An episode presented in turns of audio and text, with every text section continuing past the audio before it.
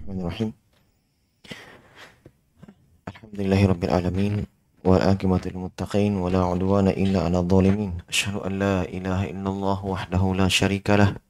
Ilahul awwalin wal akhirin wa asyhadu anna Muhammadan abduhu wa rasuluhu wa khatamun nabiyyin. Sallallahu alaihi wa ala alihi wa ashabihi ajma'in amma ba'd. Ikhwani fiddin rahimani wa rahimakumullah. Alhamdulillah pada pagi hari ini kita kembali melanjutkan kajian rutin kita dalam membaca Sitatu Mawadhi'a Minas Sirah. 6 tempat pelajaran penting dalam sirah. Ya, sekarang kita masuk di poin yang terakhir atau tempat yang terakhir dari bagian dari sirah Rasulullah sallallahu alaihi wasallam. Berkata penulis rahimahullah taala Syekh Muhammad bin Abdul Wahab al-mawdhi'us sadisu. Al-mawdhi'us sadisu tempat yang keenam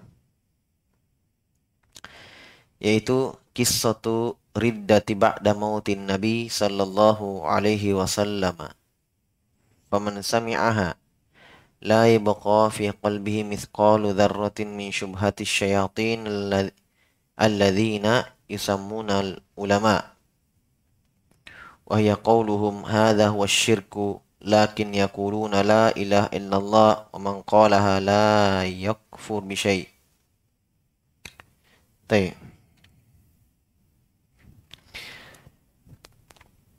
Kata beliau, poinnya atau titik yang keenam, tempat yang keenam dari bagian dari si Rasulullah Sallallahu Alaihi Wasallam yaitu kisah orang-orang yang murtad, kisah orang-orang yang murtad setelah Nabi meninggal, setelah Nabi meninggal. Ya, dan ini tentunya siroh. Ya, dan sudah kita sebutkan pengertian siroh bahwa siroh itu kalau dikatakan siroh Nabi Shallallahu Alaihi Wasallam disebutkan oleh para ulama ya, kisah hidup beliau semenjak lahirnya sampai meninggalnya dan masuk di dalamnya adalah kisah orang-orang yang berada di sekitar beliau dari para sahabat. Jelas ya? Nah, termasuk siroh juga. Iya. Ketika Nabi sudah meninggal, apa yang terjadi di kalangan para sahabat itu juga siroh. Nah, ini satu tempat beliau ambil di sini. Ya, beliau pilih ini karena di dalamnya terdapat pelajaran. Terdapat syubhat. Nah, ini beliau jelaskan. Jadi kata beliau, tempat yang keenam yaitu kisah kemurtadan riddah kemurtadan dan tentunya ketika Nabi meninggal banyak yang murtad ya.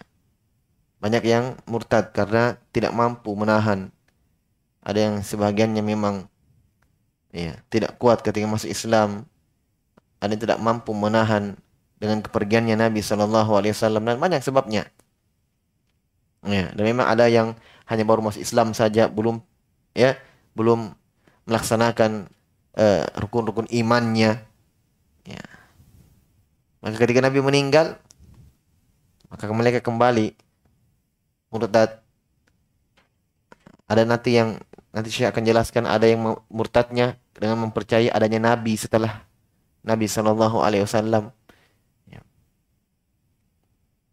Jelas ya? Padahal dari konsekuensi syahadat Muhammad Rasulullah adalah tidak boleh meyakini ada Nabi selain Nabi SAW yang terakhir. Tidak boleh meyakini ada nabi setelahnya. Kalau dia mengaku dan bersyahadat, saya bersaksi bahwa Muhammad adalah utusannya Allah, ini konsekuensinya banyak. Ada beberapa konsekuensinya. Di antaranya, ia tidak boleh meyakini ada nabi setelah beliau. Sebab Allah dalam Al-Quran berfirman, Muhammadur Rasulullah walladhi Muhammad uh, maka uh, Muhammadun aba ahadin min rijalikum walakin Rasulullah wa khataman nabiyyin. Kata Allah Subhanahu wa taala, bukanlah Muhammad itu bapak dari bapak-bapak kalian, tapi beliau adalah ya, rasul dan penutup para nabi. Makanya sebab-sebabnya. Nah ini ada beberapa pelajaran di situ ketika banyak orang yang murtad. Ya, ketika Nabi mening meninggal. Faman sami'aha la yabqa fi qalbihi misqalu dzarratin min syubhati syayatin. Perhatikan baik-baik ini di antara pelajarannya. Siapa yang mendengarkan kisahnya, tentunya mendengarkan dan memahaminya. Ya. Maksudnya kisah apa? Kisah adanya orang yang murtad setelah Nabi meninggal. Maka tentunya la yabqa tidak akan tersisa bagi dia dalam hatinya misqal dzarratin walaupun sebesar dzarrah gandum, biji gandum kecil. Iya. Maksudnya kalau memang dia betul-betul memahami siroh itu, dia dengarkan sirohnya, dia baca, dia telah baik-baik, oh ternyata banyak orang yang murtad setelah Nabi meninggal diperangi oleh Abu Bakar As-Siddiq. Ada yang kembali dari mereka sebahagiannya. Dan ada yang meninggal dalam keadaan murtad.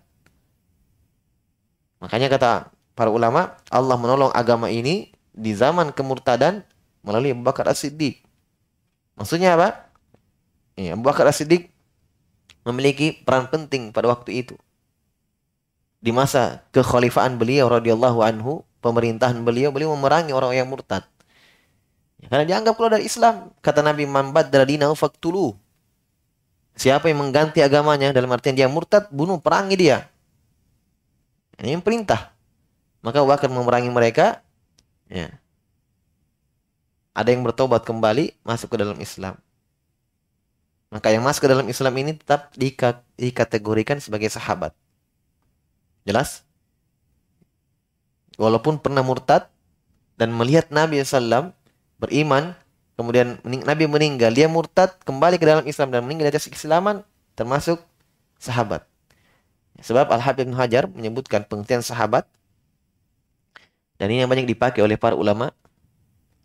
Sahabat itu adalah man lakiyan Nabi ya mu'minan bihi wa mata 'alal Islam walau takhallalat riddah. Sahabat itu adalah yang berjumpa dengan Nabi. Ada yang mengatakan yang melihat Nabi, tapi ini diganti kata-katanya. Karena kalau dikatakan yang melihat Nabi berarti nanti tidak masuk sahabat yang buta. Ya. Jadi diganti. Man laki ya, siapa yang berjumpa dengan Nabi walaupun sekali, jadi sahabat itu tidak harus ada haditsnya dari Nabi, tidak. Yang jelas dia melihat Nabi uh, berjumpa dengan Nabi Shallallahu Alaihi Wasallam walaupun sekali dan dia beriman kepada Nabi ketika dia berjumpa dengan Nabi itu dalam keadaan beriman kepada Nabi SAW. Paham ya? Berarti yang melihat Nabi di zaman Nabi berjumpa dengan Nabi tapi ketika melihat Nabi SAW masih musyrik nanti Nabi meninggal baru dia masuk Islam, ini bukan sahabat. Apa maksudnya? Dia ber, berjumpa dengan Nabi, bahkan mungkin ya ngobrol dengan Nabi, tapi ketika berjumpa itu belum Islam. Masih musyrik. Paham? Nah, Nabi meninggal, baru dia masuk Islam. Nah, ini bukan sahabat. Paham? Disyaratkan sahabat itu berjumpa dengan Nabi dan dalam keadaan beriman kepada Nabi Sallallahu wa mata alal Islam dan meninggal di atas kais keislaman. Walau takhallalat ridda ala sahih. Kata Ibnu Hajar walaupun pernah terselingi dengan kemurtadan menurut pendapat jumhur pendapat yang paling kuat. Maksudnya walaupun pernah dia murtad ya berjumpa dengan Nabi ya masuk Islam. Ya berjumpa dengan Nabi dalam kalangan Islam ya meninggal Nabi dia murtad. Tapi masuk ke dalam Islam kembali meninggal dari keislaman ini juga sahabat. Paham ya? Ini juga sahabat. Baik. Ya, jadi kata beliau, siapa yang mendengarkan dan mengetahui kisah ini, kemurtadan sebagian orang ketika Nabi meninggal, maka tidak akan tersisa syubhat dalam hatinya. Walaupun sebesar biji darah, biji gandum yang kecil. Syubhatnya siapa? Syubhatnya syaiton-syaiton. Ya. Syubhatnya syaiton-syaiton yang mereka namakan ulama. Berarti syaitan bukan dari, dari kalangan jin ini, syaitan dari kalangan manusia yang beliau maksudkan. Ya. Dan ini sebagaimana firman Allah Subhanahu wa taala, "Kadzalika ja'alna likulli nabiyyin aduwan syayatinal insi wal jinni yuhi ba'dhum ila ba'd zukhrufal qawli gurura." Kata Allah demikianlah kami jadikan untuk seluruh para nabi ada musuh-musuh mereka. Para nabi. Siapa? Syayatinal insi wal jin. Syaitan dari kalangan ya, jin dan manusia. Ya. Jin dan manusia dan jin. Syaitan al-insi wal jin. Jadi ada syaitan dari kalangan jin. Inilah iblis. Ya. ya. Ada syaitan dari kalangan manusia. Ada syaitan dari kalangan manusia. Syaitan dari kalangan manusia ya musuh-musuh Allah dan Rasulnya. Yang mengajak manusia kepada bid'ah, yang mengajak manusia menghalang, yang menghalangi manusia dari hidayah. Ya, yang membuat lari manusia dari hidayah. Ya. Yang membuat manusia membenci agama Allah Subhanahu wa taala. Banyak. Nah, ini mereka punya syubhat terkait dengan orang-orang yang murtad, terkait dengan kisah orang-orang yang murtad. Ada syubhat di situ. Ya, ada syubhat ketika banyak yang murtad di zaman Nabi SAW. Tapi sebenarnya syubhat ini malah justru bantahan untuk mereka. Nah, inilah Syekh sebutkan di sini sebenarnya. Makanya saya katakan kalau dibaca baik-baik itu kisah, difahami, adanya yang murtad di zaman Nabi dan diperangi oleh Abu Bakar As-Siddiq, maka tidak akan ada syubhat sebenarnya. Walaupun sebesar biji darro. Nah, nanti akan Syekh sebutkan syubhatnya apa sih? Ya. Wahya qauluhum, syubhatnya adalah ucapan mereka, ini ulama-ulama yang mereka anggap ulama, syaitan dari kalangan manusia ini hadha huwa syirku. Betul ini syirik. Syirik betul. Mereka maksudnya melakukan syirik. Yang murtad ada yang kembali ke kesyirikan ada yang mengakui adanya Nabi Musailam al-Kadzab. Betul ini kekufuran. Ini kata mereka ya ulama tapi mereka mengucapkan la ilaha illallah paham jadi syubhatnya ini kalau orang dengarkan syubhatnya oh berarti yang penting saya sudah ucapkan la ilaha, la ilaha illallah selesai. Walaupun saya amalkan apa pun yang saya mau amalkan, yang penting saya ucapkan kalimat ini. Paham? Ini syubhatnya. Dan juga bantahan kepada orang-orang murjiah. Bantahan kepada orang-orang murjiah yang ekstrim. Jelas ya? Dimaklumi bahwa ahli sunnah meyakini bahwa iman ucapan dengan lisan, keyakinan dalam hati dan amal dengan amal dengan anggota tubuh. Itu iman. Jelas ya? Tidak dikatakan iman sampai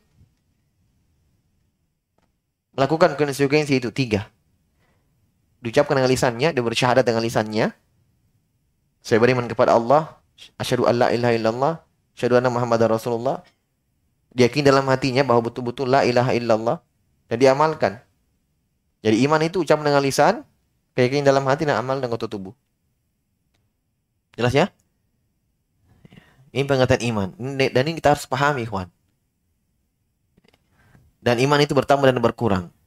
Nah, orang-orang murjia yang jatuh masuk ke dalam kesesatan dalam masalah iman, mereka mengatakan orang-orang ekstrimnya murjia iman itu cukup dengan lisan saja. Jadi kalau dia sudah katakan saya beriman kepada Allah selesai. Apa pun diamalkan dari dosa, maksiat, bahkan kekufuran sekalipun. Tidak ada. Yang penting sudah mengucapkan kalimat itu la ilaha illallah, sudah mengucapkan dengan lisannya iman, mukmin. Sempurna imannya. Jelas ini murjia yang hulu. Murjia yang ekstrim. Kalau seperti ini dikatakan seorang itu mukmin, beriman, maka tentunya Orang-orang munafik pasti beriman. Orang-orang munafik dikatakan mukmin. Ya.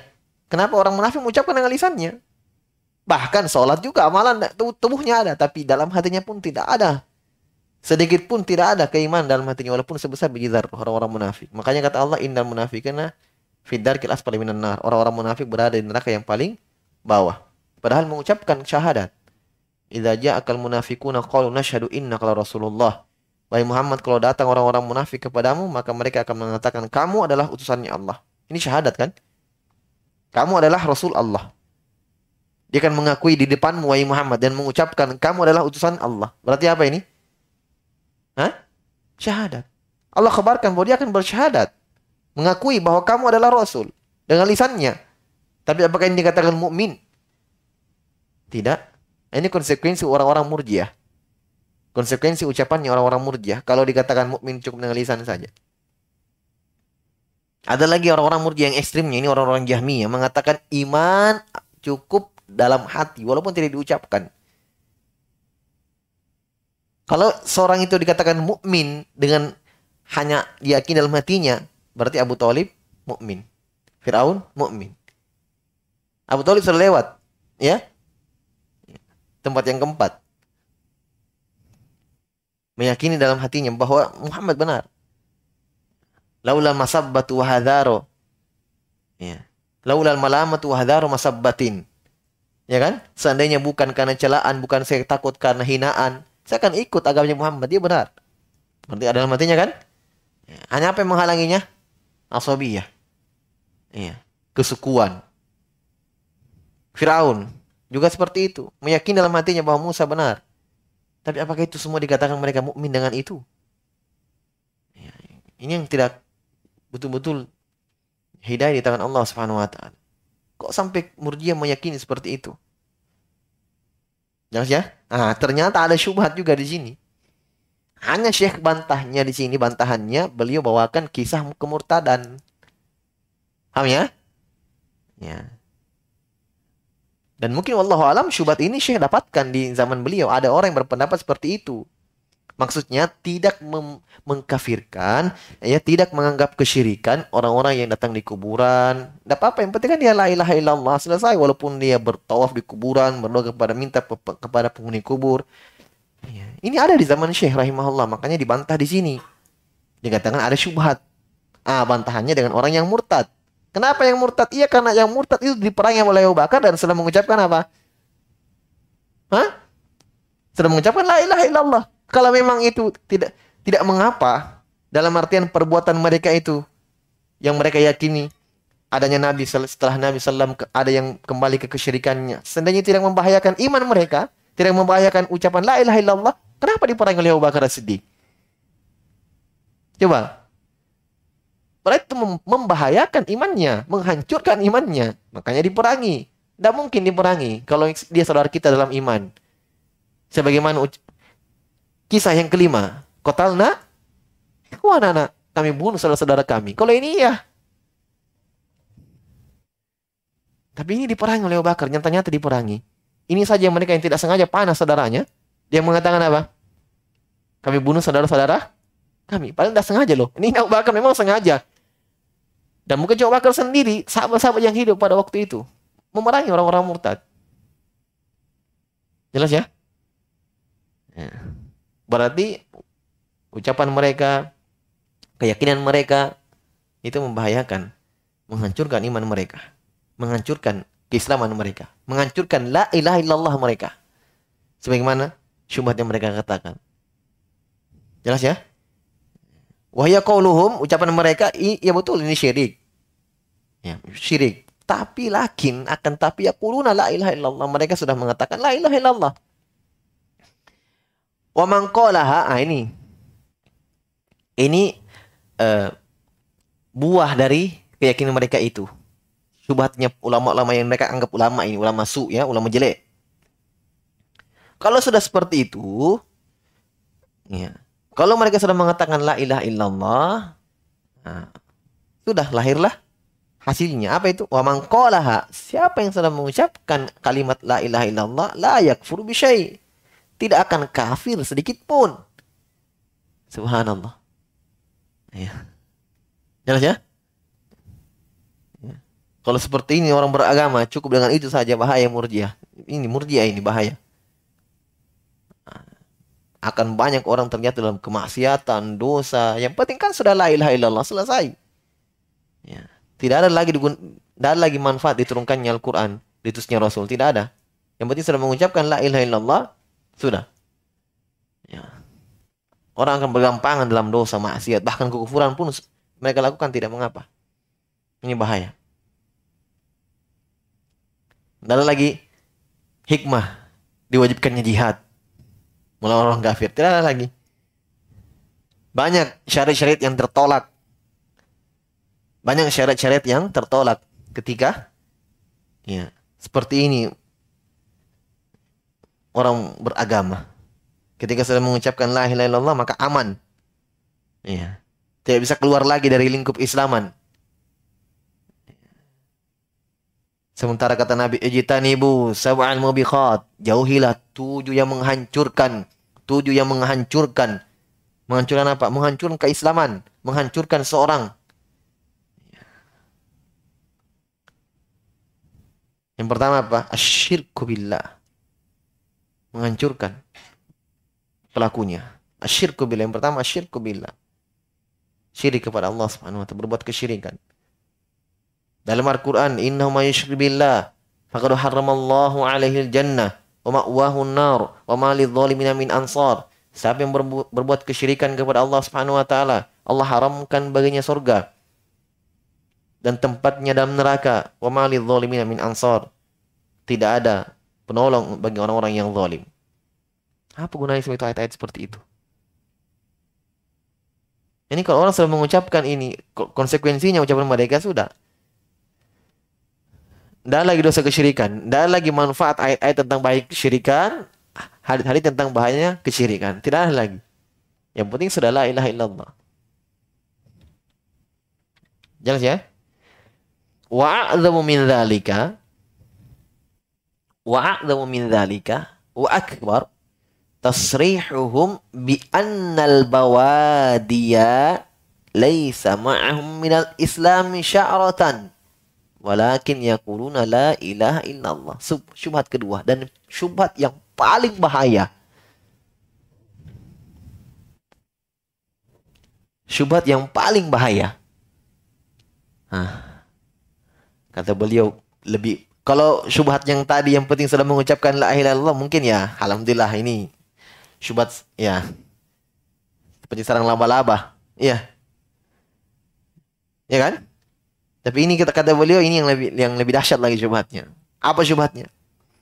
Tasrihuhum mereka jelaskan, mereka ucapkan terang-terangan bahwa annal bawadia orang-orang Arab Badui orang-orang Arab Badui Tahu ya Badui? Ya. Orang-orang Badui yang tidak seperti keimanan para sahabat yang mereka ya hanya mengucapkan la ilaha illallah belum masuk ke dalam ruang lingkup iman. Dimaklumi bahwa di dalam agama Islam sebagaimana dalam hadis Jibril ketika Jibril bertanya kepada Nabi sallam akhbirni anil Islam ya kan akhbirni anil iman akhbirni anil ihsan itu tiga derajat tingkatan dalam agama secara umum. Islam, iman, dan ihsan. Paham? Kenapa berurut? Iya karena Jibril bertanya berurut. Islam, iman, dan ihsan. Kalau orang sudah berislam, belum tentu dia masuk dalam ruang lingkup iman. Paham? Tapi kalau dia sudah dikatakan iman, mukmin, maka pasti Islam. Paham? Tingkatan yang ketiga ihsan. Berarti kalau orang sudah ihsan sampai ke derajat ihsan, pasti dia mukmin, pasti dia mus muslim. Paham? Nabi ditanya apa itu Islam? Nabi sebutkan apa? Jawabannya, rukun is, rukun Islam. Ketika Nabi ditanya oleh Jibril tentang iman, akhbirni anil iman. Apa itu iman wahai Muhammad? Apa yang Nabi jawab? Rukun i, iman. Iman kepada Allah, malaikatnya, rasulnya, kitab-kitabnya. Iman kepada hari kiamat, iman kepada takdir. Ketika Nabi ditanya tentang ihsan, apa itu ihsan? Nabi mengatakan apa? Engkau beribadah kepada Allah seakan-akan engkau melihat Allah. Wa lam takun taru fa innahu yara. Kalau kamu tidak melihat Allah, Allah melihat. Berarti kalau tingkatan sudah seperti ini, tingkatan seorang beribadah pasti mukmin, pasti. Ya, pasti muslim. Ya kan? Terlebih karena dia sudah beribadah kepada Allah, Allah diperhatikan oleh Allah, di, dilihat, dia merasa di, diawasi oleh Allah, pasti takut. Pasti mukmin itu, beriman. Pasti muslim. Paham ya? Nah, kata mereka, orang-orang Arab Badui, orang-orang Arab Badui masuk Islam, tapi tidak ada syariat yang dilakukan. Paham ya maksudnya? Syubhatnya ngeri. Orang-orang Arab Badui dalam Al-Quran, Qalatil a'rabu amanna. Orang-orang Arab mengatakan kepada Muhammad, amanna. Kami beriman. Ya. Kul, kata Allah, katakan kepada mereka, lam tu'minu, kalian itu belum beriman. Walakin kulu aslamna. Tapi ucapkanlah kami berislam. Ini dalilnya yang saya katakan tadi bahwa iman belum tentu is Islam. Mukmin belum tentu muslim. Tapi mukmin pasti muslim. Dalilnya itu ayat Al-Qur'an. Orang Arab mengucapkan syahadat, ya. Sudah masuk Islam, masuk, masuk mengucapkan syahadat, dia datang kepada Nabi dan katakan aman, nak. Kami sudah beriman. Allah memerintahkan kepada nabinya, katakan kepada mereka bahwa kalian belum beriman, baru berislam. Berarti apakah sama mukmin dengan mukmin dengan muslim dalam hal ini? Sama atau tidak? Dalam ayat yang antum pahami. Hah? Ketika Allah katakan, katakan kepada mereka, wahai Muhammad, ya. Kalian belum beriman, tapi baru Islam, baru Muslim kalian. Berarti berarti mukmin belum tentu apa? Eh, muslim belum tentu mukmin kan begitu. Allah yang katakan dalam Al-Qur'an. Sementara mereka sudah berislam loh. Sudah mengucapkan syahadat. Tapi mereka katakan kami sudah beriman. Kata Allah katakan kalian belum beriman, baru muslim. Nah, kok subhanallah, kok ini bisa dijadikan syubhat untuk meninggalkan syariat? Yang penting kita sudah Islam, ucapkan kalimat itu sudah walaupun kita datangi kuburan apa semua maksiat, tidak ada masalah. Karena orang Arab Badui seperti itu, tidak ada syariat yang dilakukan. Itu Islam. Paham ya syubhatnya? Iya. Baik. Sampai mereka mengatakan, perhatikan ucapan mereka, mereka terangkan dengan terang-terangan bahwa orang-orang Badui tidak ada sama sekali mereka rambut keislaman satu helai pun. Paham? Maksudnya tidak ada syariat yang dilakukan. Kecuali satu, la ilaha illallah saja.